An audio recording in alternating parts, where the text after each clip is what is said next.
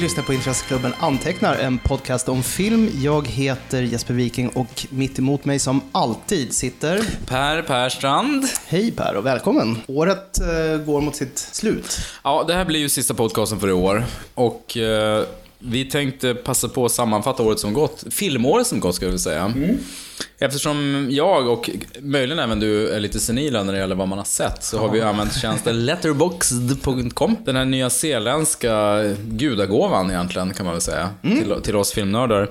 Det har vi snackat om, alltså det finns ju, det är många som använder filmtipset. Men den är Layouten på den, alltså gränssnitt på den är så bedrövlig. Så att, Den är fast i 90-talet. Ja, det är den. Och jag, jag hajar, om man har kört den i tio år är det svårt att kanske släppa loss.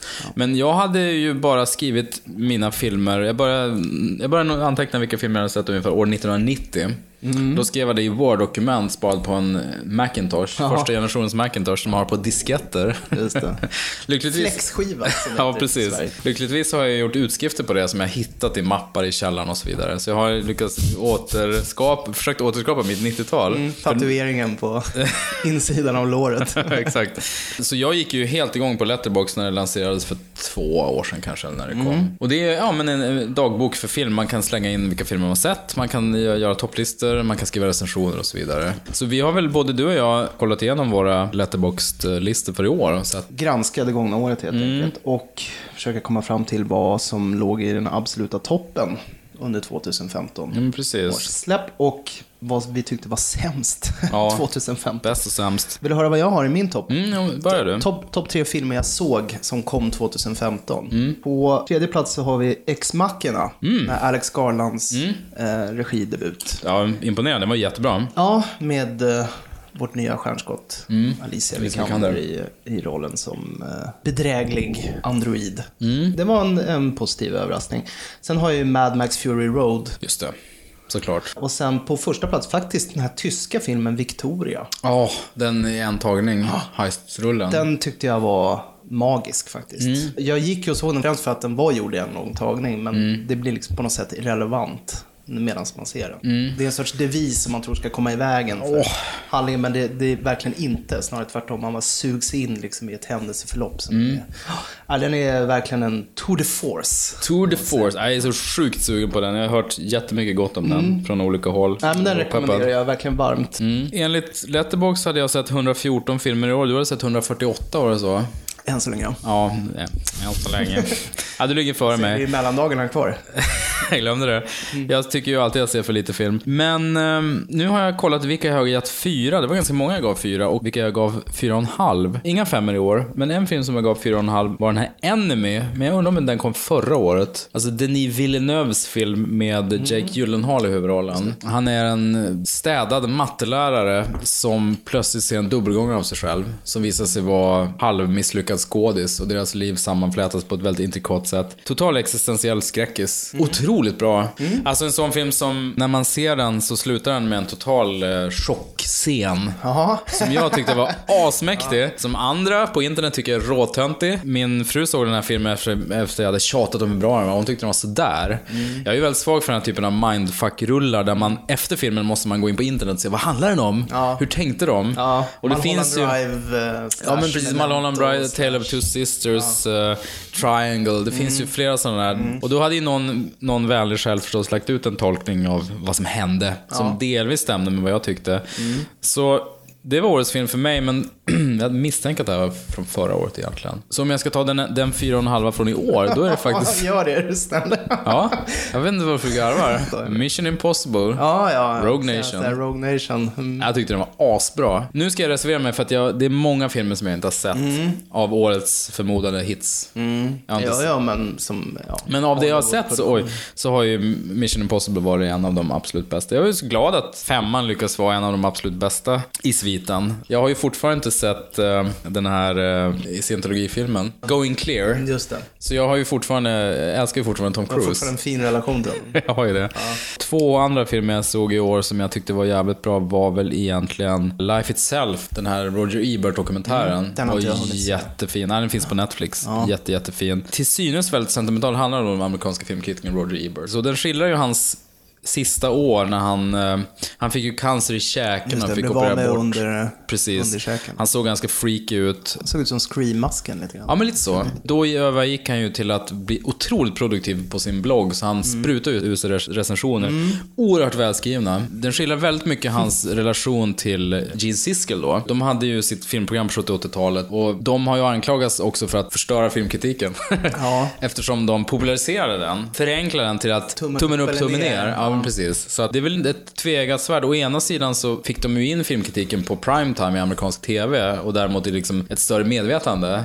Å andra sidan kanske de gjorde det lite förenklat att det här är bra eller dåligt. Dummade ner Ja, men, ja, exakt. Det blir lite så här Ronny Svensson-varning att det här är bra film, fyra plus, då är det bra liksom. Ja, min usla Ronny Svensson. Ja, han, är, han är fantastisk. Så vi, ska inte dissa, vi, ska inte, di- vi ska inte dissa Ronny. Nej, det ska vi inte göra. Det rekommenderas egentligen för alla som är intresserade av film och filmkritik. Den tredje filmen som var väldigt bra var eh, What We Do In The Shadows var en fyra. Mission Impossible, Life Itself och What We Do In The Shadows var årets bästa filmer. What We Do In The Shadows är den här nyzeeländska mockumentären om några vampyrer som bor i en lägenhet i Auckland är det väl? Äh, Wellington. Den är otroligt rolig. De behöver ju blod hela tiden. De försöker leva ett normalt liv på ett väldigt gulligt sätt. Men samtidigt måste de hitta nya offer hela tiden och suga blod av. Sämsta filmer Sen har vi sämsta filmen 2015. och eh, de tre som jag fiskade upp då i bottenskrapet här var ju Fantastic Four. Ja, jag har inte sett den. Josh. Trank gjorde. Just det. Det var ju en stor besvikelse. Mm. Men det här visste man ju ganska länge. Han gick mer eller mindre innan premiären och började ursäkta sig. Ja, men han, han kör ut den här ökända tweeten. Att vi hade någonting. Mm. Ja. Och ni kommer aldrig få se det. Det gick åt helvete så här. Ja. Och det är otroligt oproffsigt att göra Ja, det, verkligen. givetvis då. Och han losade jobbet på, inom Star Wars också för att han gjorde det. Så det var ju inte så bra. Nej, och sen hade jag Terminator Genesis som en riktigt dålig film Ja, 2015. om vi snackade om tidigare. Och sen Tomorrowland. Ja, det var en besvikelse. Det var det. Ja, ganska seg och förvirrad och, och övertydlig och Ja, men de, de, de, tungfotad i sin Ja. moralpredikan. Och, Verkligen. Ja, men just att de släppte den här scenen när tjejen kommer till klonen första gången och de här robotarna kommer jaga dem. Då blir man ju jättepeppad. Men f- det är som du säger, filmen var ju mästrande och visade inte så mycket. Utan var ja, men ganska irriterande. Plus att jag hade ett problem att hon, Britt Robertson, tror jag hon heter, i huvudrollen. Hon, hon är okej. Hon var ju med i um, den där Stephen King-serien som gick på TV också. Under the Dome. Hon är en bra skådis, men hon är ju för gammal för den här filmen. 30-årig 15-åring. Exakt. Ja, men jag tror hon är så här, typ 27 och ska, Ja, ja. borde egentligen vara 14 eller 13. Ja. Så det är jättekonstigt casting. Det blir så här skevt när de har tagit på en keps och, och liksom stora kläder för att man inte ska se att hon är en vuxen kvinna utan Nej. något som ska kännas som en tonåring. Så att hon är väldigt unlikable i filmen. Nej, den, den blev ju en jättefiasko också. I Ja, det är synd för den är ju liksom rent designmässigt Mm. otroligt väl genomförd. Det finns ju den här, de har ju verkligen gått loss på den här uh, retrofuturistiska, Mm. alltså den här 50-tals Ja, visionen av visst. framtiden. Problemet är ju, The Atomic Age. en halvtimme innan har man ju Optimismen. tappat intresset för den. Man undrar vad, vad är det som händer? Varför ska jag bry mig? Ja, jag hade inte, lyckligtvis inte sett så mycket usla filmer, men min absolut sämsta var, fick betyget ett och ett halvt. Oj. Och det var Magic in the Moonlight. Mm. Woody Allens Gud, jag har, näst jag senaste att då. se den. Du Den är tog- så you took- You took one for the team. jag gjorde det. Ja, men den kunde ha varit bra. Ja. Eh, Men det går ut på att eh, Colin Firth är ett as. Ja. Och Emma Stone som är 20 år yngre än honom tycker han är råmäktig. Mm. Nej, den var bara bedrövlig. Det var ju som de senaste tiden manus... Alltså, Woody Allen har en manusidé som han inte orkar utveckla riktigt. Skriver någon form av manus. Och de här jättebra skådespelarna står ju på kö. Mm. Fast det finns liksom ingen... Han har inget att berätta egentligen. Den var bara helt bedrövlig. Plus att, ja men återigen det här med gubbsjuka och att är en taskig kvinnoroll och... Jo.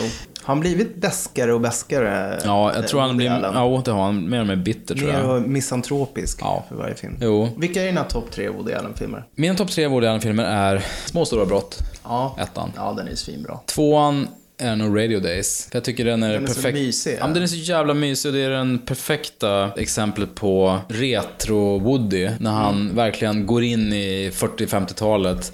Det är total kärleksförklaring till när svenska folket höll jag på att säga, amerikanska folket lyssnar på radio. Ja, radioeran. Det är ju väldigt mycket behind the scenes från när de spelar in superhjälteserier och sådär. Mysterieteater. Precis. Det är ju jätte, Ja, det jättemysigt. Ja. Mia Farrow är jättebra, Jeff Daniels är med. Nej, men bara hur han skildrar eh, sin uppväxt, eller en version av sin uppväxt i alla fall. Trean, alltså det är, ju- det är jättesvårt att välja tre överhuvudtaget. Men, Fru och eh, män. Fru och äkta män. Har jag, bara, jag har bara sett den en gång. Sett- jag tyckte den var fantastisk när jag såg den 93 eller 92 Mm. när den kom. Jag har inte sett om den sedan dess. Han och hennes systrar är ju hennes systrar är väldigt bra också. Men om jag, om jag måste välja någon så här från tidiga... Länge tyckte jag att Sleeper var skitbra tills jag såg den igen. Och Ja. den, den är så fjantig. den är inte så bra. Nej. Riktigt bra. Alltid skulle jag veta om sex. Men Ja, den är också väldigt ojämn. Gene Wilder och Fåret är ju Ja, är mysig. härlig. Men Ja. sen är det ju den här- det här med Lou Jacobi är så här halvbra. Den, den är inte ojämn och så. Om jag måste välja en, en trea så tar jag väl... eh, nej, men jag kör Han och hennes systrar. Ja. Den är ju så jävla bra. är bra. Diane Weist Ja, exakt. skådisarna. Michael Caine. Ja, Sam Masterton. Och de här små pretentiösa i Von coming-citaten Sydow, som ja. dyker upp. Max von Sydow i en av sina mest endimensionella roller egentligen. Ja, han är bara faktiskt. sur. Ja, Fast verkligen. bra Ja, ändå. han är sjukt irriterande. Men du, ikväll ska vi prata om en regissör som inte har gjort fullt så många filmer. Precis. Som Woody Allen. Ja. Eh, däremot är han hyfsat aktuell i alla fall. Mm. Vi ska prata om Guillermo del Toro. Precis, ska vi göra. En regissör som till skillnad från Woody fortfarande gör bra filmer och inte har chanserat på senare år. Eller? Beror på vad man tycker om Pacific Rim eller inte. Men ska vi börja från början Ja, med det tycker jag. Guillermo? Vi- Jag tycker vi liksom söker oss tillbaka till 1964. Mm. När lille knubbiga Guillermo ploppade ut. Han hade skägg och glasögon redan Ja, då. ja. Runda briller Ja. redan på fosterstadiet. Där slutar researchen. Ja, exakt. Nej, vad fan, vad har vi på Guillermo? Ja, vad har vi? Uppvuxen i Guadalajara Mm. i Mexiko då, givetvis. Han började plugga som makeupartist faktiskt. Och var lärling åt Dick Smith. Legendariska makeupartisten. Just det, som gick bort häromåret bara Precis. Va? Eller i år av. Med Exorcisten och Little Big Man och Mm. massa smarriga makeup-jobb på sitt CV. Han har ju inte gjort så jättemånga filmer. Han har gjort en 8-9 stycken Mm. till dags datum. Han var oerhört aktiv som producent, och manusförfattare och exekutiv producent och Mm, allmän idéspruta. Och har tillsammans med Alfonso Cuarón och uh, Inarritu ägnat sig mycket åt lobbyverksamhet kring att lyfta fram mexikanska filmskapare Mm. också i Hollywood. Vad kan man säga kännetecknar Del Toro? Jag har skrivit ner gotisk romantik, detaljfixering och scenografiskt överdåd. Ja, bra sammanfattat verkligen. Han är ju den som kanske satsar hellre på praktiska effekter än, än datoranimeringar och så. Och det hedrar honom. Ja, och det, det talar ju för hans bakgrund som makeup-artist också. Särskilt, det å- återkommer till det, men särskilt Hellboy 2 är en sån orgie verkligen i masker och kostymer och tomtar och troll. Ja, verkligen. verkligen. Där väldigt mycket är inte gjort i datorn, utan det är verkligen gummikänsla. För alla filmintresserade som har ett drag mot nördighet eller sagofilmer eller specialeffektsfilmer så har ju Del Toro varit någon slags närvaro hela tiden. Ska vi börja från början när det gäller Del Toro? Han jobbade ju på TV och sen har han gjort en drös kortfilmer också. Men det finns inte några kvar till allmän visning. Förutom två stycken. Donja Lupe och eh, Geometria. Jag har sett Geometria för det finns på YouTube faktiskt. Ja, du skickar inte med mig, jag hann inte se eller orkar inte. Den var så otroligt långa, sex minuter. Sex och halv, jag hade inte sex och en halv minut av mitt händelsefyllda liv. Jätteinspirerad eh, uppfattar jag det som av eh, Romeros bidrag till Creepshow. Den här Father's Ja. Day. Ja, en rolig bagatell kan man kolla på. Däremot hans långfilmsdebut som kom 1993 heter Kronos. Utspelar sig i Argentina. I huvudrollen ser vi Federico Luppi. Just det. Stor, eh, eller legendarisk argentinsk fursteälskare. Ja,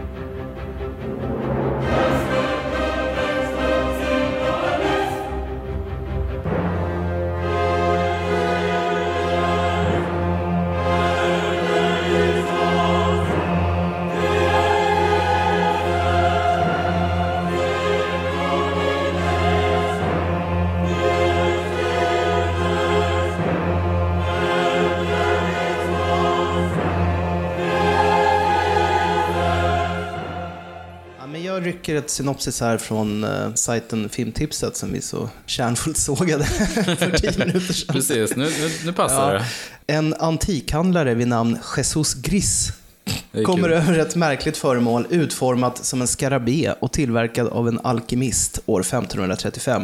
Jesus lyckas öppna föremålet som biter sig fast i honom och därmed även föryngrar honom. Det ger honom dock törst efter blod, så som en vampyr, och skänker honom evigt liv. Jag hade inte sett den här, så jag såg den i helgen för första gången. Och det känns ju att det är ett forskningsverk på många sätt. Jo. Den är lite... Det är inte felfri. Nej, den är inte felfri, den är, den är lite ostadig i kanterna. Och det intressanta är att redan här jobbar han ju med Ron Perlman, som senare Ja. skulle återkomma. Ja, hans musa. Hans musa. Och här känns det ju lite som att Perlman fått ganska mycket fria tyglar.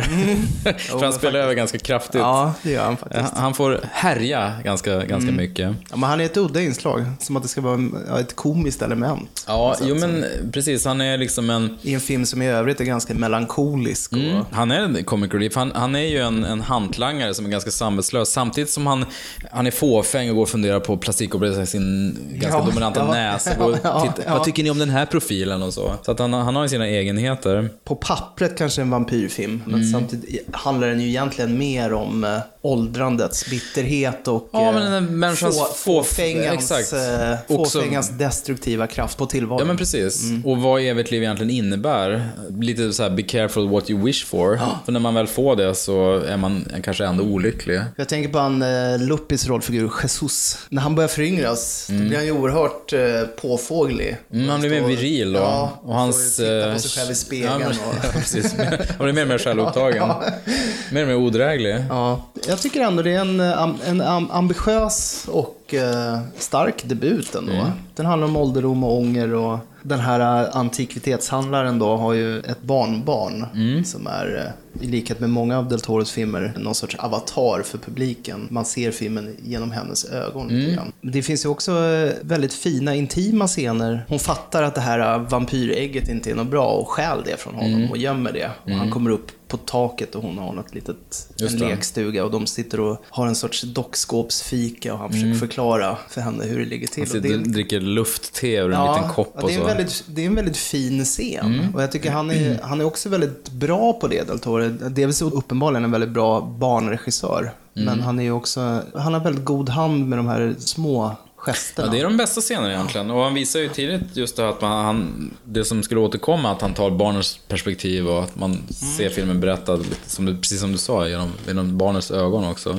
De är väldigt finstämda de här scenerna. Och så gillar jag verkligen skräckelementen med den här väldigt mekaniska spindeln. Hur eh, Den är härlig. han går in i urverket, hur det känns väldigt byggt också. Det är väl det är för tidigt för att det ska vara datoranimerat, utan det är de, de Ja, det är byggt. nog mekaniskt. Ja, det, det, det, det är en väldigt Just det mekanisk med känsla över urverk det. återkommer ju väldigt ofta. Det är lite överspel här och var. Det är det. Inte minst från Claudio Brook som är skurken i filmen. då, Mm, han är rätt jobbig. Som är en, någon sorts rikeman som har varit besatt av evigt liv sedan han började bli sjuk. Mm. Precis. Och han och den här antikvitetshandlaren ställs emot varandra som någon sorts motpoler framåt slutet av filmen. Mm. Det vill säga att den ena är besatt av evigt liv medan den andra önskar att han kunde dö.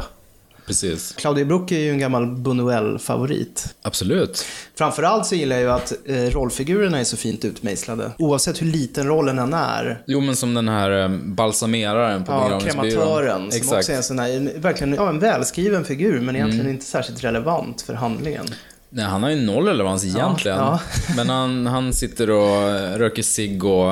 Han är ju väldigt engagerad i sitt arbete och blir förbannad när eh, det visar sig att liket ska kremeras och han har suttit och satsat och gjort ansiktet fint och sådär. Mm. Ja. Ja. men lite sån här krumelur som bara Del Toro lägger tid på. Precis. En oviktig birollsfigur som ges en massa kärlek och därför Ja. blir intressant. Eller som Ron Perlmans figur som också egentligen bara ska vara någon sorts hejduk en, Mm, precis. en råcelle. Men han är, ju, han är ju som ett barn i en Mm, ja, vuxen. Mm. mans kropp. De blir minnesvärda på ett annat sätt. Han är ju duktig på det. Den fick ju väldigt bra omdöme också. Ja, men det finns, avslutningsvis finns det så minnesvärda bilder i den också, som till exempel när, när huvudpersonen är på en... eh, Nyårsfest. Ja, men exakt. På, på herrtoan Han ska där. slicka Han ska näsblod slicka från, blod. eh, ja. Och han ska precis till att slicka blod från en vass och så kommer en gubbe och bara "Äh, vad är det här för snusk? Ska ta bort det så här. Landa på golvet. Men så är det kvar på golvet, så lägger han så här omsorgsfullt så här slickare från Mm. stengolvet. En gråhårig man och det är så här, den bilden kommer aldrig att försvinna från näthinnan. Det är Så Nej. stark bild ändå. Det säger mycket om Luppi också som skådis. Han är- att det han är väldigt inte bra. blir en pajig scen. Nej men jag tror Lopi fyller den här filmen otroligt mycket värme Mm. och närvaro. Han är väldigt, väldigt bra. Vä- Värdig. Mm. Nej, det är toppen. Bra casting alltså. Mycket bra. Och sen var det dags för eh, Del Toro att bli flyttad till Hollywood och göra lite film där. Det var fyra år senare Mm. som han kom med uh, Mimic. Precis. Sometimes an insect will evolve to mimic its predator. A fly can look like a spider. A caterpillar can look like a snake.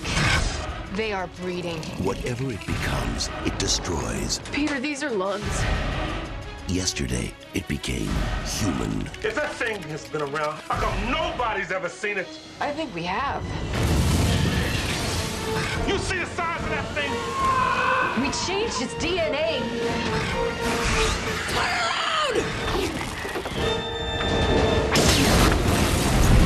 Mira Sorvino, Jeremy Northam, Josh Brolin, Charles Dutton, Giancarlo Giannini, F. Murray Abraham. Mimic. Jag kan köra synopsis här. Den är från 1997. Den finns inte på svenska Wikipedia. Det är för smalt, du får gå på eh, filmtipset istället. När en okänd dödlig epidemi som bara drabbar barn plötsligt börjar sprida sig på Manhattan kontaktar myndigheterna insektsforskaren Susan Tyler spelad av Mira Sorvino då. Hon får i uppdrag att finna en lösning på problemet innan det hinner utrota en hel generation. Smittbärarna visar sig vara vanliga kackerlackor och genom genmanipulation med DNA från termiter och bönsyrsor lyckas hon skapa en ny art vars sekret döda kackerlackorna, ska stå dödar tror jag här. Dessutom ser hon till att den nya kackerlackan bara överlever en generation, tror hon. Det här, är egentligen för, det här är första fem minuterna egentligen. Tre år senare visar sig att det som inte fick hända har hänt. Några av de dödliga insekterna har överlevt och dessutom muterat sig till fasansfulla proportioner. Spoilers. Eh, likt många insekter har den nya arten också lärt sig att härma och avbilda sin värsta fiende. Därav och titeln. fienden... Exakt, subtila mimika. titeln.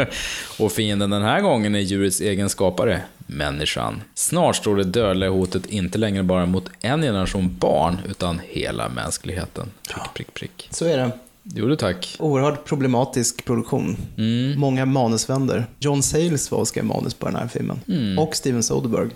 Steven Soderbergh också. Ja. Shit, det måste ha varit tidigt i hans karriär. Del Toro ville nog göra någonting speciellt och så ville filmstudion göra en creature feature. Mm. Jag tycker den är väldigt stämningsfull. Ja, men en riktigt bra B-film. Ja, det, det kan man säga. Som inte skäms över det heller.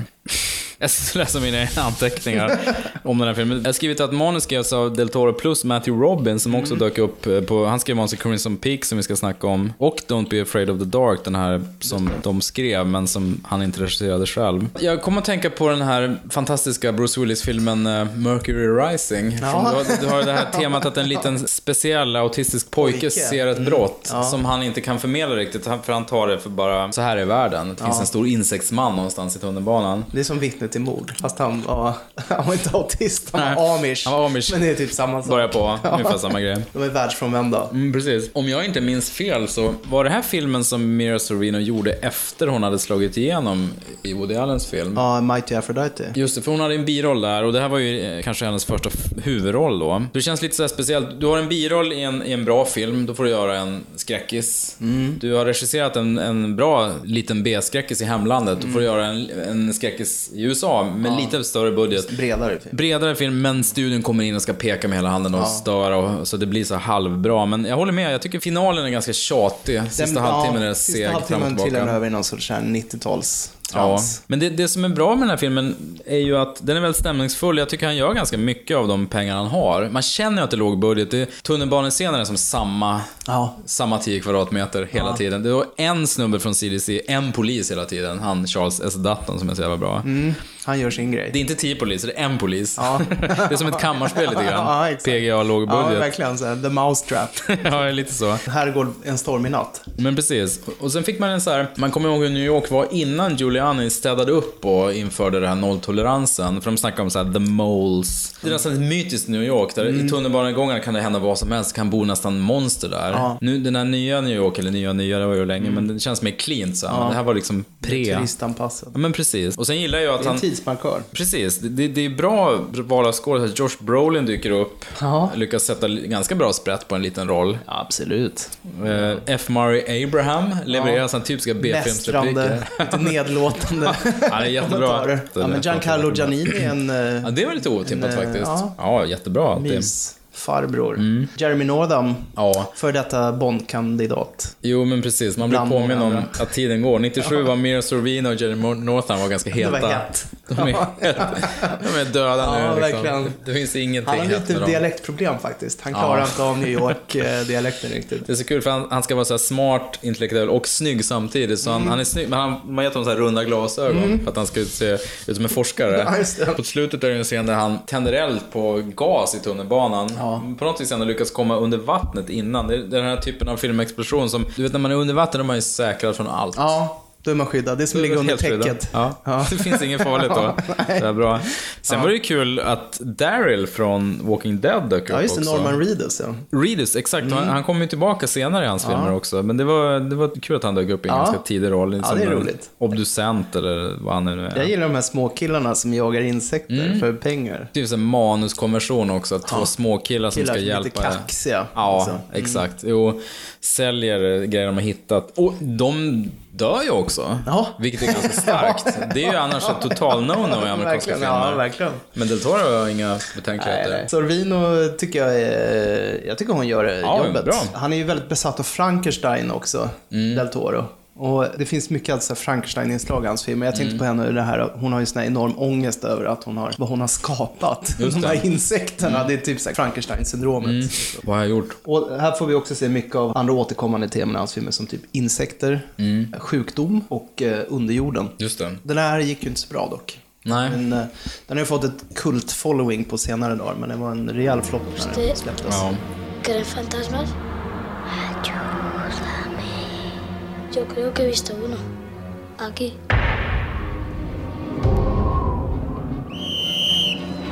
¡A clase! ¡Vamos! ¿Qué es un fantasma? ¿Quién suspira? Un evento terrible condenado a repetirse una y otra vez. Quedan 10 lingotes más. No tienen padres. No tienen a nadie. Están desesperados de hambre. Mira cómo comen. ¿Qué ves ahí abajo? Algo muerto que parece por momentos vivo aún. Un granito de fuerza. Kom 2002. 2001. 2001. Jag läste fel till från dina anteckningar.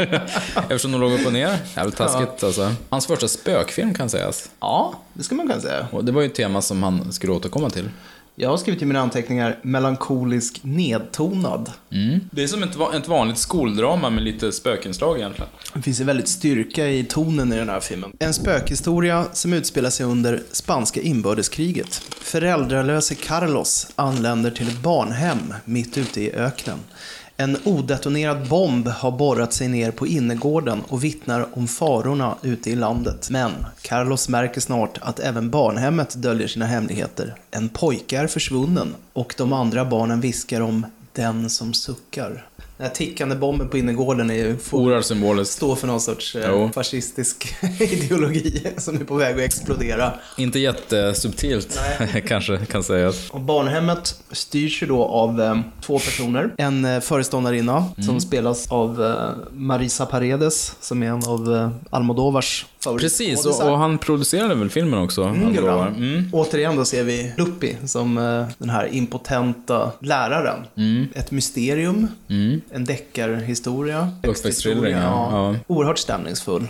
Och läskig faktiskt. Ja, jätteläskig. Den som stjäl showen för mig, det är ju den här Eduardo Noriega som spelar Jacinto, den här Mm. uh, unga allt-i-allo-mannen. När snygga människor är onda också, så blir det extra det är starkt. oemotståndligt.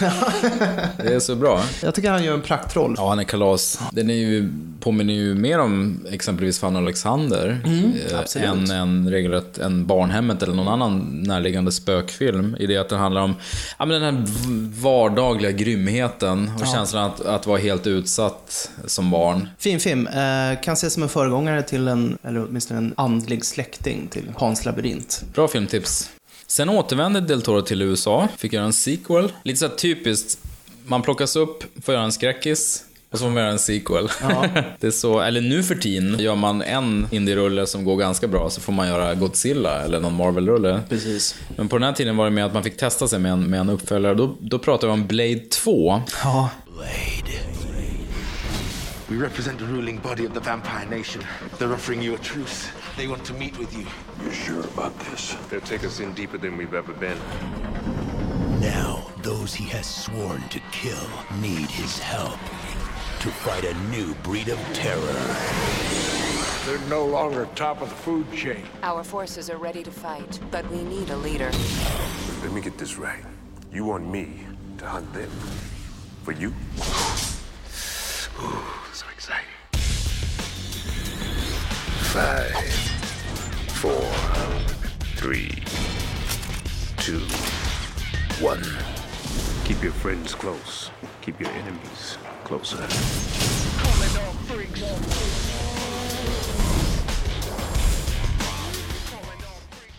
Kom 2002. Exakt. När Wesley Snipes fortfarande var det coolaste som fanns. ja, det känns som väldigt, väldigt länge sedan nu. När Wesley Snipes dels har suttit i fängelse länge. Han är ju Mm. fri nu, men han är ju i stort sett helt bortglömd. Han känns som en relik. En annan skådis som kom fram på 90-talet, som Will Smith, är ju fortfarande högaktuell. I viss mån i alla fall. Wesley Snipes är bra. Jag, gillar särskilt den här Passenger 57. Ja. Det är en bra film. Ja. Vem var skurken där? Bruce Payne va? Bruce Payne, ja, precis. Australiensaren. Ja, exakt. Han var också bra. Ä- ä- Ännu ett 90-talsnamn som, som bara... Vart tog han vägen? ja, ja, alltså Wesley Snipes är grym. Han Jungle grym. Fever, jättebra. Absolut. Ska vi dra handlingen på Blade det. 2 en snabbis? Nu har jag hittat den på uh, svenska Wikipedia. Så att, eh, Håll i hatten. Håll i, håll i hatten nu. Någonting vandrar fritt omkring på gatorna som även vampyrerna är rädda för. Vampyrerna behöver Blades hjälp för att slå det, men någonting är konstigt när det visar sig vara Damaskinos son och Nyssas bror.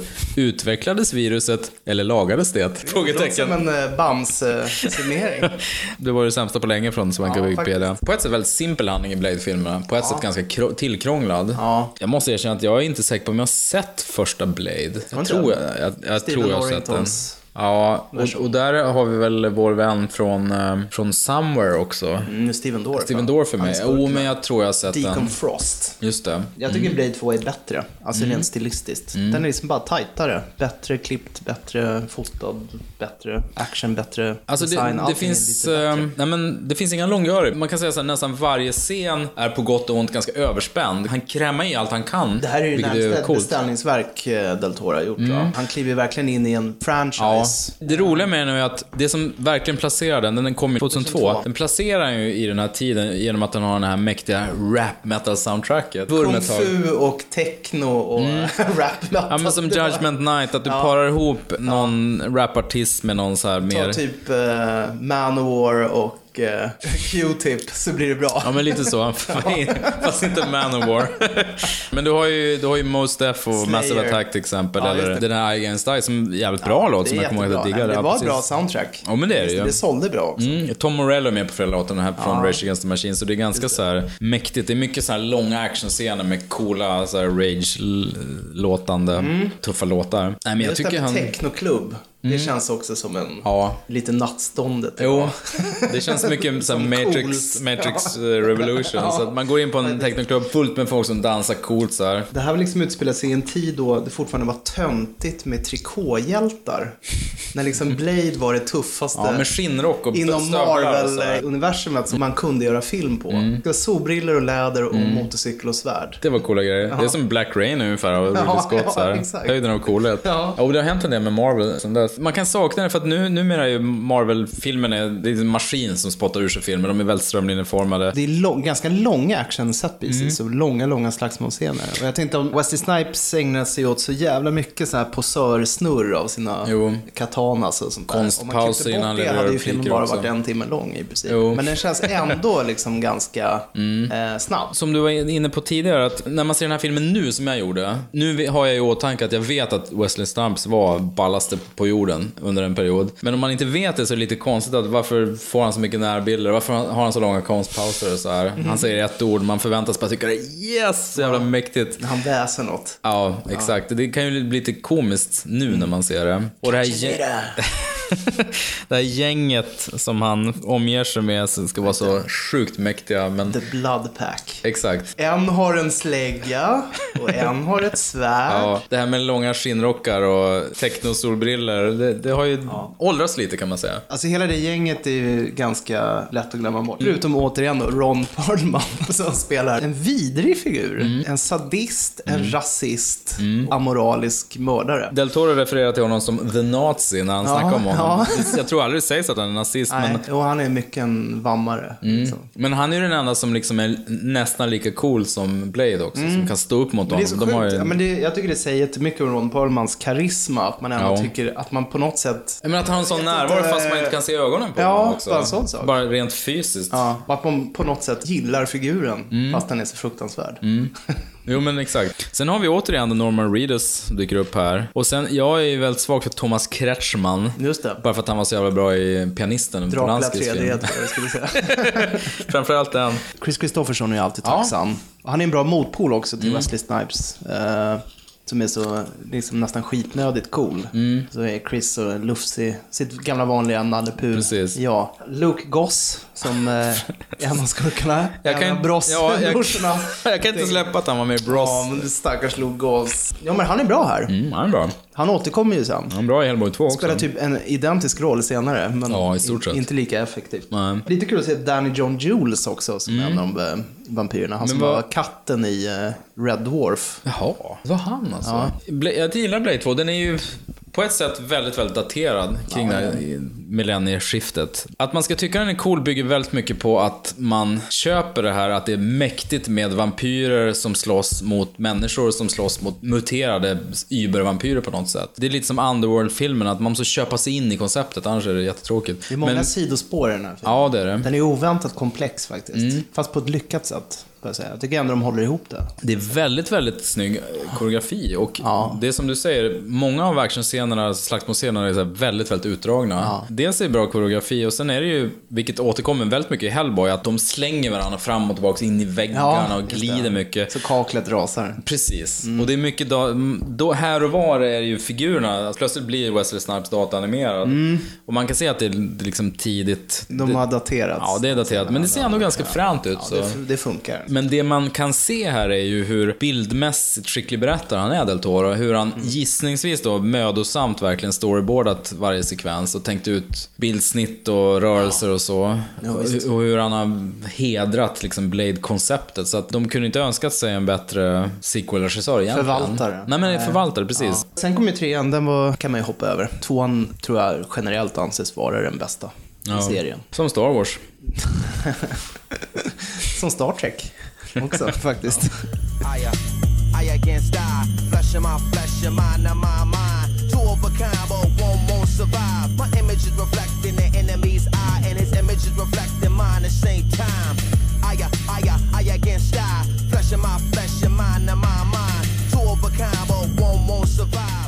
2002 hade ju eh, Del Toro byggt upp så mycket clout, som det heter på svenska, i Hollywood så att han gjorde, fick göra Hellboy. Efter Mike Mignolas fantastiska seriesvit. Mm. Förutom Kronos Devil's Backbone, alltså det här kan man väl säga kanske Del Toros mest personliga film av det han gjorde i Hollywood. Nej men om man tänker att Mimic och Blade 2 var ganska mycket beställningsjobb. Ja. Fick äntligen gegga ner sig totalt i det han gillar, till exempel serier. Och eh, apokalypser och specialeffekter och um, Lovecraft Och särlingar, eller- Särlingar, precis. Demoner och, och dikotomin mellan himmel och helvete och så vidare. Alltså, det här är ju så nära en filmad serietidning man kan komma tror jag. Oerhört trogen Mignolas version. In the absence of light, darkness prevails. An ancient evil has returned, greater than any the world has ever known. Sixty years ago, they tried to destroy the world. They're back. Now, one secret government agency Welcome to the Bureau for Paranormal Research and Defense. has been called upon Hellboy. to stand against them. There are things that go bump in the night. And we are the ones who bump back. Are you gonna be okay? How big can it be? Didn't I kill you already? We're heading towards civilians! Destroy them! You should be running. It's coming for us. Trots sin absurda handling och sina tunga makeup-effekter och eh, många specialeffekter så är den oerhört lätt, den här filmen. Den känns inte dugg tung eller liksom... Mm. Nej. Ja, men den är precis som du säger, så här lättfotad. Inåt helvete charmig och rolig. Ron Perlman är ju oerhört bekväm i en egentligen ganska omöjlig roll. Han har, ju, det- han har ju de rätta fysiska förutsättningarna eftersom han har den här Hulk-utseendet. Och det roliga är att de, han är ju inte förstärkt av någon form av CGI, utan det är ju ett rent makeup-jobb som antagligen tog 100 timmar att lägga på. Men det ser Rick ju... Baker tror jag som var... Ja, just det. Ja, då vet man att det blir bra. Men det, det ser ju väldigt fint ut. Handlingen är kort då på Hellboy, eller vad säger du? Kör. Actionfilmen Hellboy bygger på en serietidningskaraktär med kultstatus. Åh. Lägg väl märke till. Tagen ur Dark Horse Comics, skapad av Mike Mignola, som vi sa tidigare. Hellboy föddes ur helvetets eldar och räddades av sin vän och mentor Dr. Broom, fadersfigur hade jag sagt där, rent av. Ja, absolut. Tillsammans med bland annat Liz, kvinnan han älskar. Konstigt sätt att lägga en konstpaus på. Jag kommer på en Christopher Walken dramatisering. The Woman. Nej, men min eh, skärm eh, slocknade. Kvinnan han älskar och FBI-agenten Myers, som också älskar Liz, måste han acceptera sina krafter och slåss mot det onda. Han är en slags halvdemon som är knallröd, har nedslipade horn, tycker om katter, kollar mycket på TV, käkar mycket choklad och Mm. röker cigarr och är allmän busunge. I någon ständig revolt mot sin pappa då, som spelas av eh, John Hurt. John Hurt, ja. John Hurt har sett ut som han är 80 år i senaste 30 åren. Ja, faktiskt. Nej men alltså jag tycker det här är en, en av de absolut bästa seriefilmatiseringarna någonsin. Mm. Tveklöst. Jättefin. Gjord med väldigt, väldigt mycket kärlek. Som du precis sa, Ron Perlman är perfekt castad i den här rollen. Mm, det är han. Och inte minst när han, det pågår ju någon sorts svartsjukedrama där med den här... Um, Telekinesi. Precis. Tele, telekinetiska... Hon är ju som, eh, som i Eldfödd av Stephen King. Exakt. Eh, då, eh, då minner det väldigt mycket om hans eh, tv-seriebakgrund. Skönheten och odjuret. Mm. Precis. Men det blir lite X-Men-tematik, att hon är också någon form av freak i det normala samhällets Ja. Trots sin bombasm så tycker jag ändå återigen att det är de här små stunderna som segrar. Dels bra på att regissera dem, och dels bra på att få in dem i... Hur, hur bra han är på att få in dem i handlingen också, utan att det känns sökt. Ja, exakt. Ja, men han är ju bara bra på de här ömsinta Mm. observationerna. Jag tänkte också på den här på den här äh, agenten Clays hårtransplantation. Ja, just som det. han är så Ja, nojig ja. Mm. över. som också ger det som en extra dimension åt en sån egentligen helt förglömlig rollfigur. Jag kommer inte ihåg vad skådisen heter, men han är ju med i Bourne-filmerna också. Ja, just det. Som ofta, spelar ofta så här FBI-CIA-snubbe. För han är så här jättestel och väldigt myndig och sen när Hellboy nämner det här, men hur går det med håret? Så här, då blir han så här jätteblyg och bara Jo, det, det, det är på Det är gång. bra, så börjar alltså. han- Ja, det kommer växa så här igen. Rodna lite. Ja, det är jätte, en jättefin detalj. Det är mysigt, liksom. Sen måste vi nämna Jeffrey Tambor också. Ja, just som det. är fantastisk. Comic relief, FBI, eh, som- eller chefen för BPRD då. Eller han är inte chef för det, men han... Feg och arrogant. Ja, och han tycker om att synas i medierna, men han blir stressad när... Även om han inte är jättesvag för uh, superhjälteserier så tycker man att man kan se Hellboy. Det är inte alls den här ursprungliga Marvel-trenden med starka män i trikåer. Det är inte Thor, väldigt charmig figur. Ja, nej, nej, det är inte någon sån här tråkig Chris Hemsworth-figur. Sen 2006, då gjorde han Pans labyrint. Ja, men kan man säga att det var den, den, sto- den breda publikens introduktion? I alla fall i Sverige tror jag att det var många som upptäckte honom då. Ja. Det var då i alla fall svenska kritiker upptäckte Guillermo del Toro, för det tror jag inte de hade gjort tidigare. Jag tror Nej. inte DN känner till honom tidigare. För han hade gjort gubevars superhjältefilm och... Eh, Ja. det ska jag låtsas att vi har någon agg mot DN här, men...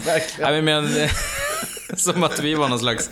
Lämna bagaget hemma. Ja, men exakt. Nej, men det, det jag menar var kanske att etablerade kritiker kanske, som inte hade vurm för kult, eller vad, vad ska man säga, genrefilm, hade koll på honom. Nej. För Pans labyrint blev ju en kritikerhit. The legend speaks of the lost soul of a princess from another world who will one day be reborn. There will be signs that mark her return.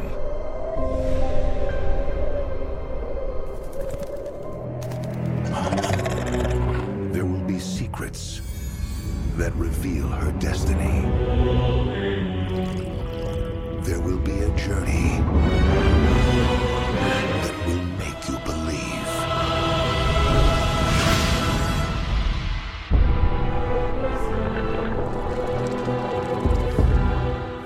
Den gick upp i Sverige 2007. Ska vi dra handlingen på den? Mm. Vi kör svenska Wikipedia. Hurra! Filmen handlar om den 13-åriga flickan Ofelia som tillsammans med sin mamma flyttar upp i bergen där hennes man, falangistkaptenen Vidal, deltar i bekämpandet av den lokala kommunistiska motståndsrörelsen. Handlingen utspelar sig i maj-juni 1944 under Franco-regimens förföljelse av de kvarvarande motståndarna från spanska inbördeskriget. Medan striderna fortgår upptäcker Ofelia en igenvuxen labyrint i närheten av deras bostad. Där möter hon labyrintens väktare, mytologins Pan. Han påstår att hon är den underjordiska kungens bortkomna dotter i en annan skepnad och för att bekräfta detta utsätts hon för tre farliga uppdrag. Vi har ju pratat om Pans labyrint tidigare. Ja. Eftersom du tog upp Kapten Vidal. topp tre skurk. Precis. Jag kan säga Vi snackar mest om Vidal tror jag. I relation till Del Toro kan jag säga att jag tycker att det här är en perfekt kombination av hans styrkor. Mm. Det vill säga den här uh, intimiteten och uh, storslagenheten. Mm. Här har han lyckats balansera det på liksom ett perfekt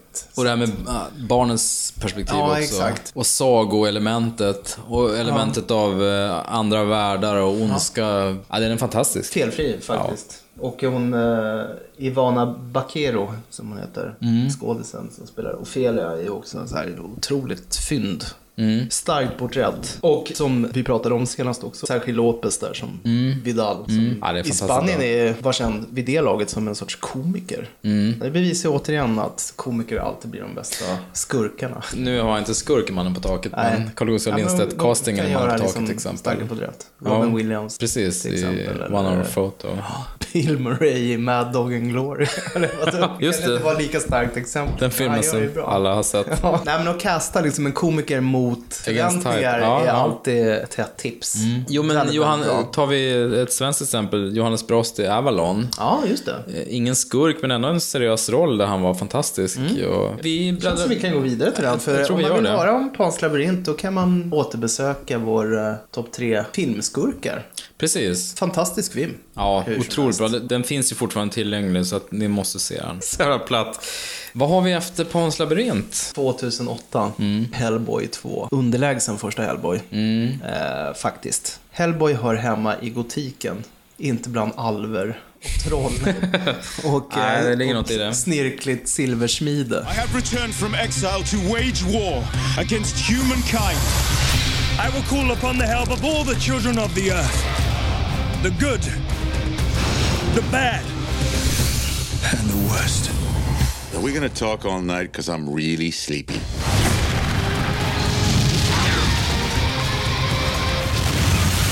Oh, crap. The visionary director of Pan's Labyrinth invites you into a world Yeah. of mythic creatures and forgotten lands Oh my god. where the ultimate battle between good Give it up, nasty. We can see it. How do you see me? and evil Kill them. Huh? Will decide the fate of mankind. Den här gången får Hellboy och hans något udda team använda alla resurser de har till sitt förfogande för att bekämpa en grupp med rebelliska sagofigurer ledd av en skurkaktig prins. Han är son till kungen av skogsandarna, en grupp av monster som består av tomtar, troll, fier och alla andra väsen som kan tänkas härja i skogarna. Allting blir mer komplicerat när Hellboy och hans team inser att Abe Sapien och prinsen är ute efter samma prinsessa. Mm, precis, vi, vi får lite kärlekshistoria för Abe Sapien här. Men det är, det är ju lite fördjupning av, eller det är ju fördjupning av Abe Sapien. Och det är lite Som fördjup- rollfigur, ja. Ja men exakt. Ja. Och det är lite fördjupning på kärlekshistorien och relationen mellan Hellboy och uh, Liz. ja, Selma precis. Blair. Selma Blairs Ja. karaktär. Vad hände med Selma Blair? Eh, nej men jag vet inte. Hon, ju var ju fantastisk toppen. i storytelling. Ja, eh, absolut. av Doug Zollons. Ja. Sen vet jag fan vad som hände med Hon var henne. bra i den här, vad heter den, den här moderniserade Liaison Dangereuse-filmen också. Den Cruel med- Intentions. Just det. Jo, men vänta nu. Hon var ju med i uh, Anger Management, var det väl? Som eh, Charlie Just det. Sheens Ja, eh, just det. Hon var med. av Det var och ju ett tag på-flickvän. sedan, i och för sig. Ännu en annan återkommande skådis i eh, Del Toros filmer, det är ju Doug Jones. Han Precis. spelar ju Abe Sapien. Mm, han är väldigt bra. Och spelar säkert tre, åtminstone tre roller i Pans labyrint också. Mm. Faunen, Mm. och han är den bleka mannen. Mm, The Pale King, som har ögon på händerna. Precis. Han är ju, för Del Toro var Andy Serkis är ser för Peter Jackson. Peter Jackson, ja. Exakt, de har sin musa som håller på att göra mycket så mimik. Doug Jones spelade ju Abe Sapien även i första Hellboy, men han blev ju um, dubbad av uh, lillebror Fraser. Cranes, Niles Crane ja. Just det. Men han dubbade tvåan också Men- va? Är, Nej. är det bara ettan Nej, han är- dubbade? Ja, det är bara ettan. Det är tvåan. Det är därför det är så konstigt, för de har ändå så pass lik röst. Ja, de har ju väldigt lik röst. Jo, det var Varför blev han dubbad överhuvudtaget? Större namn på den Ja, listan. men hur, hur, hur många i publiken känner igen Hyde Pierce egentligen? Jag såg den första gången först kanske fem år sedan. Tyckte då att den var bättre än ettan. Jag gillar st- storvulna, jag gillar den här visionen av en gammal alvprins. Den börjar med en gammal saga. Nu när jag såg om den så kändes det som att de är på studiebesök i Jim Hensons Creature Ja, Workshop. jo men lite så. Det är Eller, eller så Jim Henson och ILM, George Lucas, har bara slagit ihop alla sina gubbar. Ja. Och så har de lånat lite från Men in Black också. Och så går de bara runt mot en massa roliga aliens. Ja. För det är mycket Men in Black över den här filmen. Det är mycket det. Att det finns andra typer av existenser som lever sida vid Ja. sida med oss. Men Som det, måste hanteras. Exakt, de måste hanteras. Det är bara myndighetspersoner som känner till dem. De Ja. är liksom gömda. Så det är mycket så här tentakler Mm. eh, i bakgrunden och Ja, och det blir väldigt mycket Men in Black torkar 2-3 svetten i pannan för att Ja. måste hantera Så den är inte krångliga- lika, lika stark som, som ettan. Jag tycker den här sardoniska dialogen som var så stark i ettan faller helt platt Mm. i tvåan. Luke Goss som var så bra i Blade 2, det är en blek skurk. Mm. Han påminner mer om så här killar i gymnasiet som gillade Iron Maiden. Mm. Än en så här asmäktig alvprins. Och du hör ju bara där, asmäktig alvprins. Ja. Det rimmar ju liksom inte. Det går inte riktigt ihop. Nej. Den här uh, gyllene armén då, mekaniska armén, de är så här runda som bollar. De är som gulliga mer än vad de är otäcka. jo, det blir inte så läskigt. Nej, barnfilmsanpassad. Jag tycker sekvensen där han fightas mot en eh, stor demon med långa bläckfiskarmar. Samtidigt som han håller i en bebis. Mm, ja, den här handen. träd... Ja, trädvarelsen som, ämt- som sen förvandlas till någon slags eh, skog, Skog, eller ja. mossa. Det är fint. Den sekvensen är mäktig. Jo, den har ju lite patos. Ja, förutom det så, så det Det blir är lite inte bara tröttsamt att han måste figurer. ha ihjäl något, utan det är liksom, han utplånar Precis. en art. Ja, men precis. Det blir lite existentiellt uh, conundrum. Snyggt uh, monster också. Väldigt snyggt. Ja, nej men nu hoppar vi fram några år till 2013 och det som i mitt, kanske andra stycke, det stora, stora smolket I bägaren. i den stora glädjebägaren för eh, Del Toro. Det är alltså Pacific Rim. Ja. In order to fight monsters, we created monsters of our own. We needed a new weapon. The Jaeger program was born.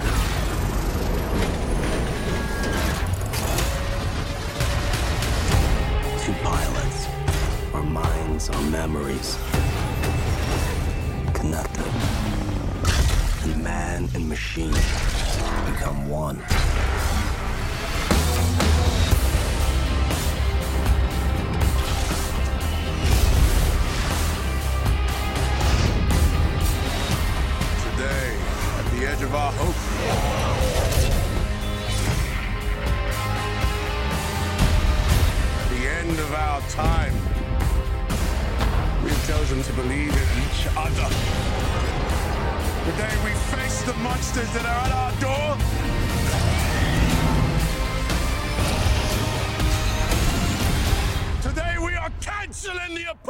Vi, vi drar handlingen på en gång här.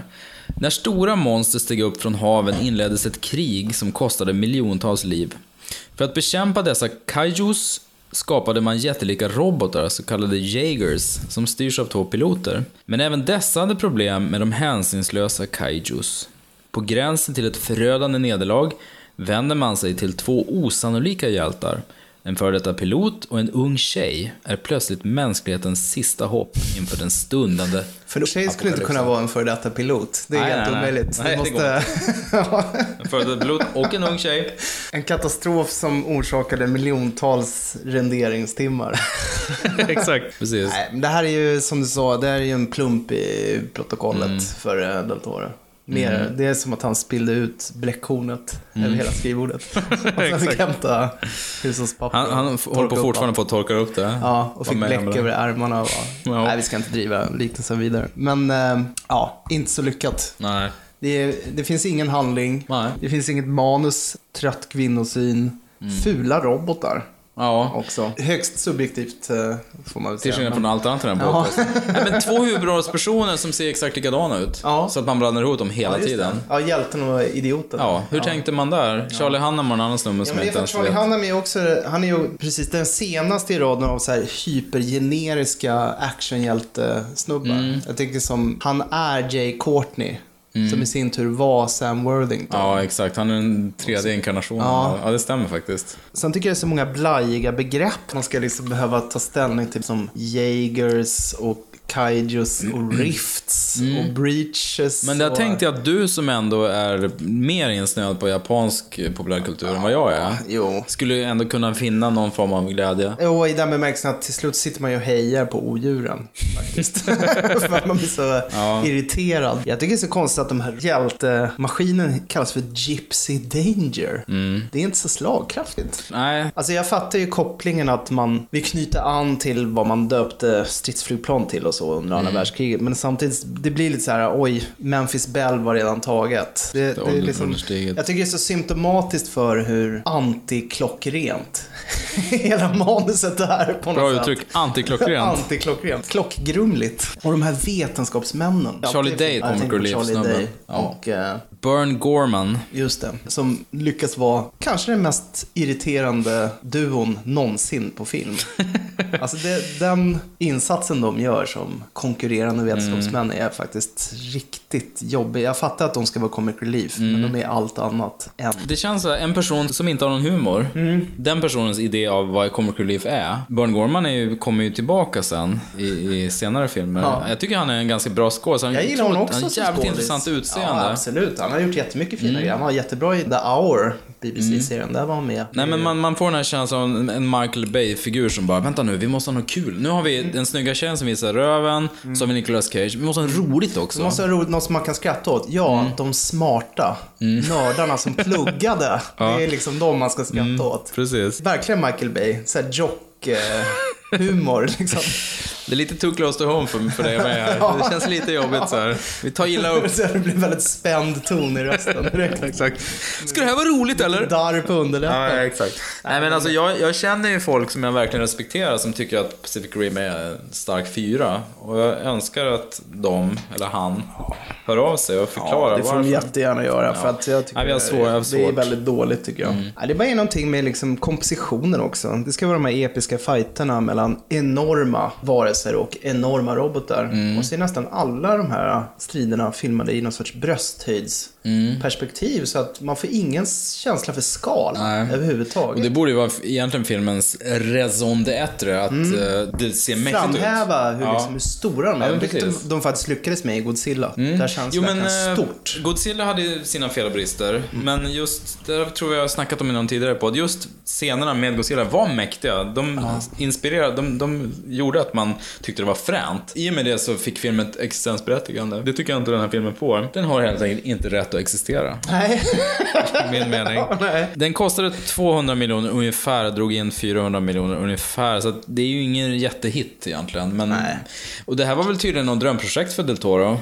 Jo, det är å- ännu en Killer Darling Jo. grej. Nej men bara för att man är insnöad på japanska leksaker och japansk populärkultur så måste man inte göra film av. Mm. Nej, det, man kan stå Det räcker tillbaka. med att bara gilla det. Exakt. Jag ska inte hänga, jag tycker inte vi ska dröja kvar vid Pacific Rim för mycket, för jag har ingen lust att prata illa om någonting egentligen. Men Nej, jag men är vi- väldigt illa berörd faktiskt av Pacific Vi är ju inte den, den podcasten som sitter och snackar skit om filmer. Det är tråkigt, men jag tyckte inte heller den var så bra. Ja. Så vi går vidare. Det gör vi. Men du, nu är vi framme vid 2015. Ja, men det är vi banne Ja. mig. Och en högst bioaktuell film. Och det är Crimson Peak. There are parts of the house that are unsafe.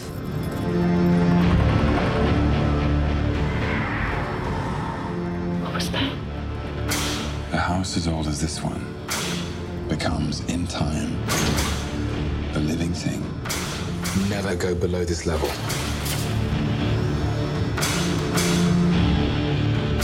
It starts holding on to things. Has anyone died in this house? Specific deaths, violent deaths. In your own best interest, proceed with caution. keeping them alive when they shouldn't be. If you're here with me, give me a signal. She knows everything.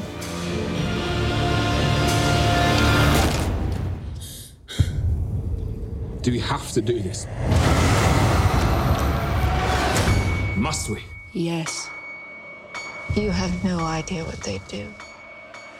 Handlingen är kort. Crimson Peak är en amerikansk film från 2015. Ja. I regi av Guillermo del Toro. Stämmer ju. Ja, det är kärnfullt. Nej, vi får söka oss istället till filmtipset, denna så föraktade tjänst. Den unga amerikanska författarinnan Edith Cushing försöker lämna en familjetragedi bakom sig. Hon gifter sig med den engelske baronetten Thomas Sharp och flyttar in med sin nyblivne man och hans syster på den engelska landsbygden. Mm. Jaha, det var allt. Kort. Nej, men det man kan säga är väl att Mia Wasikowska spelar den här eh, aspirerande författaren. Som är en, en, en modern protagonist så tillvida att hon inte finner sig bara vara någon som ska bli bortgift utan hon vill vara sin egen människa och skriva romaner. Väldigt eh, tydlig Mario Baba Mm. hommage, Hammer Films. Väldigt eh, fro-fro-mässiga miljöer. Mycket barockt och... Det var en Lulu, en fro-fro, en mimi, en... Nej, men så, ny, nyckeln till den här, jag har inte jättebra koll på Bava ska erkännas, men nyckeln till den här filmen är väl att tänka att det, det handlar om spektaklet, skådespelet och scenografin och miljöerna. Mer än själva storyn kanske, även om jag tycker storyn är ganska bra. storyn Nej, är lite åt Rebecca, alltså Hitchcock-Rebecca-hållet. Att gifta in sig i en familj där det finns massa mörka hemligheter. Mm. Men den stora njutningen och det här kopplar ju tillbaka till podden vi gjorde om The Haunting av Robert Wise. Att väldigt mycket handlar om att bara njuta av att befinna sig i det här läskiga spökhuset. Men det är, det är påtagligt, eller det är ju anmärkningsvärt att nästan halva filmen går ju innan vi hamnar i Hamnar där, spökhuset. ja. Det var lite oväntat när, vi, när, när jag såg den. Alltså till grund för Mario Bavas estetik så är det ju budgetbegränsningar och manusbegränsningar och så vidare. Mm. Och vad kan jag göra på den här otroligt korta tiden eh, med det här eh, ganska fattiga manuset? Jo, men jag kan göra det stämningsfullt med hjälp av ljussättning och miljöer. Mm. Och, eh, och det gav upphov då till liksom en viss Mm. innovativ belysningsteknik och eh, kameraplacering. Och det är helt okej att ta in det i en sån här enorm budgetfilm. Mm. Men då, då kan man åtminstone lägga till ett tight manus. och sådär. Jo. Jag ska inte racka ner på den. Jag tycker den är, den är okej. Oerhört vacker. Och, eh, Ja. och väldigt respektfull i sitt tillbakablickande. Det den torskar på, det är ju inte en skräckfilm. Det här är ju en romantisk film. Mm. Men om man gör ett mörkt kärleksdrama, då tycker jag man ska se till att huvudrollsinnehavarna har någon sorts personlig kemi. Jag håller inte riktigt med om det. Men är ju- det, nu- det slår inte gnistor, men jag, jag, så här tror jag. Jag tror att de två skådisarna, som jag tycker är skitbra var för sig, Mm. men jag tror att båda de har ganska så här kylig utstrålning.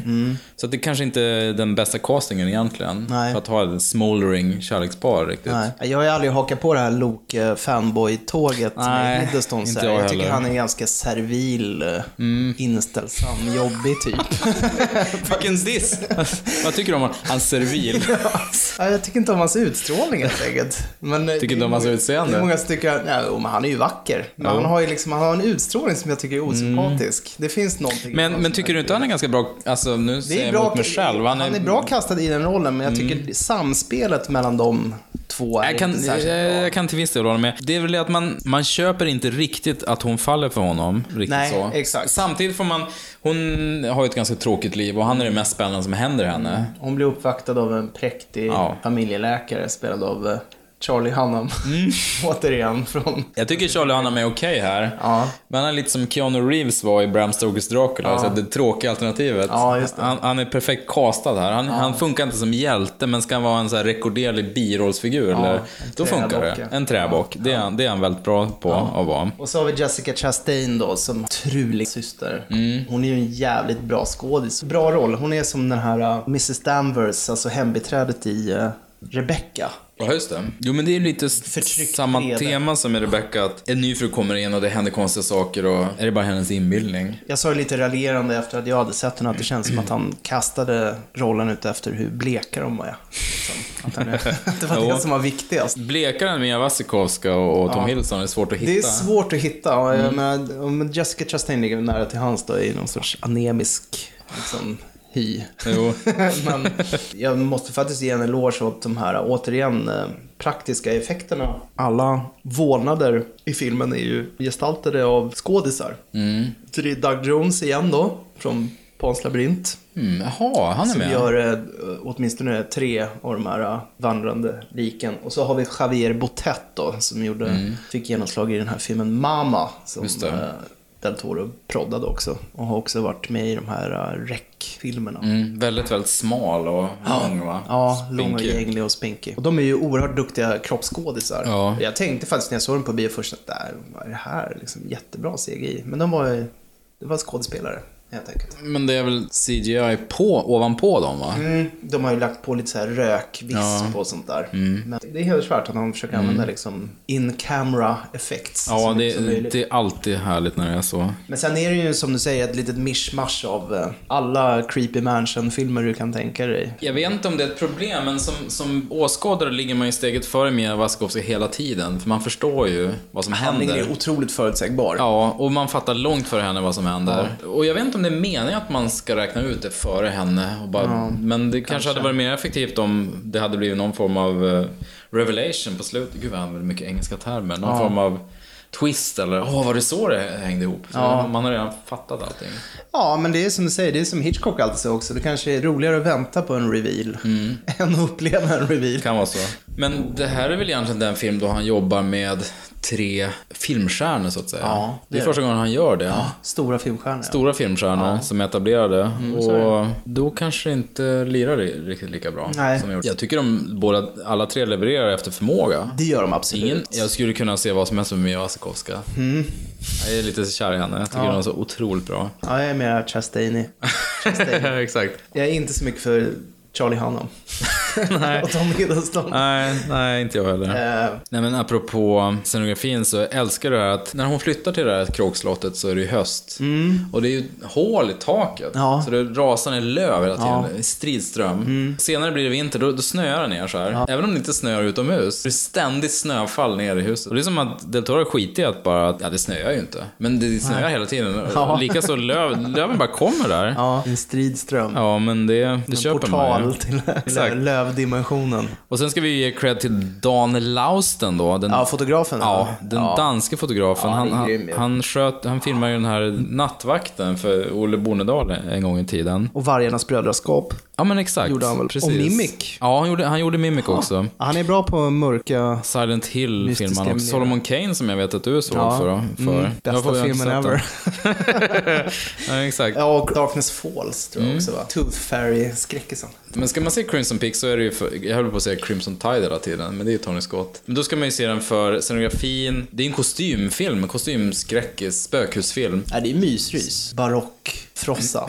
Men det gick ju inte bra. Gjorde du inte det? Jag har, jag har inte jättebra koll på box office, så jag brukar kolla upp det ibland. Men den kostade då 55 vilket är miljoner dollar, vilket är ganska lågt. Drog in 74, vilket är ju bedrövligt. Ja, det är dåligt. Det är ju jättefiasko, tyvärr. Sen är frågan vad som händer härnäst. Det är ju ingen hemlighet att De Toro har... eh, Pacific Rim 2 är ju på gång. Ja, tack och lov.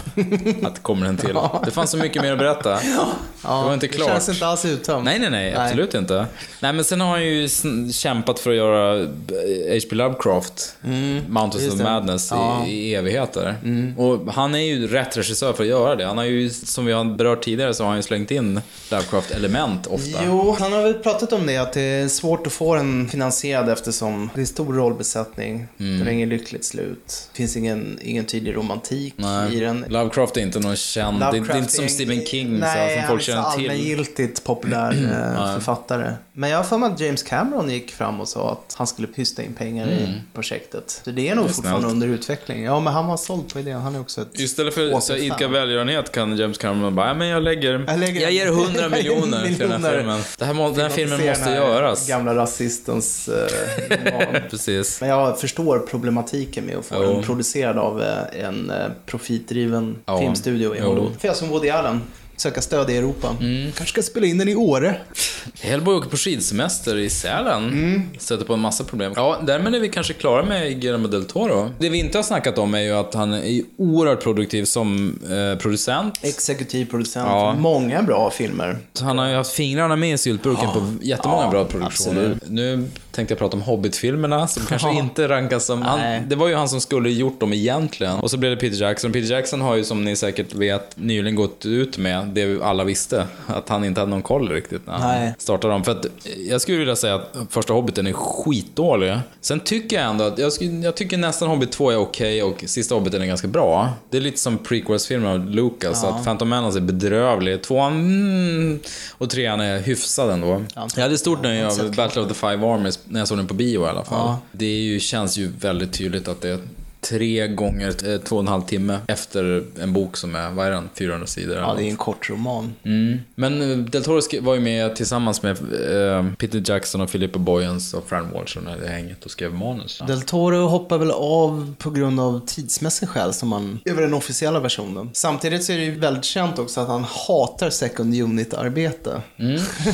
Del Toro. Så fort han får chans till en director's cut så klipper han bort allt som, eh, som han inte haft kontroll över själv. Men det behövs Ja, ju ofta tycker- för att, för att ja, men det är det jag berättelsen ska menar. Funka. ska, ska man göra en Hobbit-film, då Ja. kan man ju inte, det går ju inte att göra allting själv. Nej. Du måste ha jättemånga second units-inspelningar. Ja, men p- exakt, när det är mycket landskapsbilder Ja.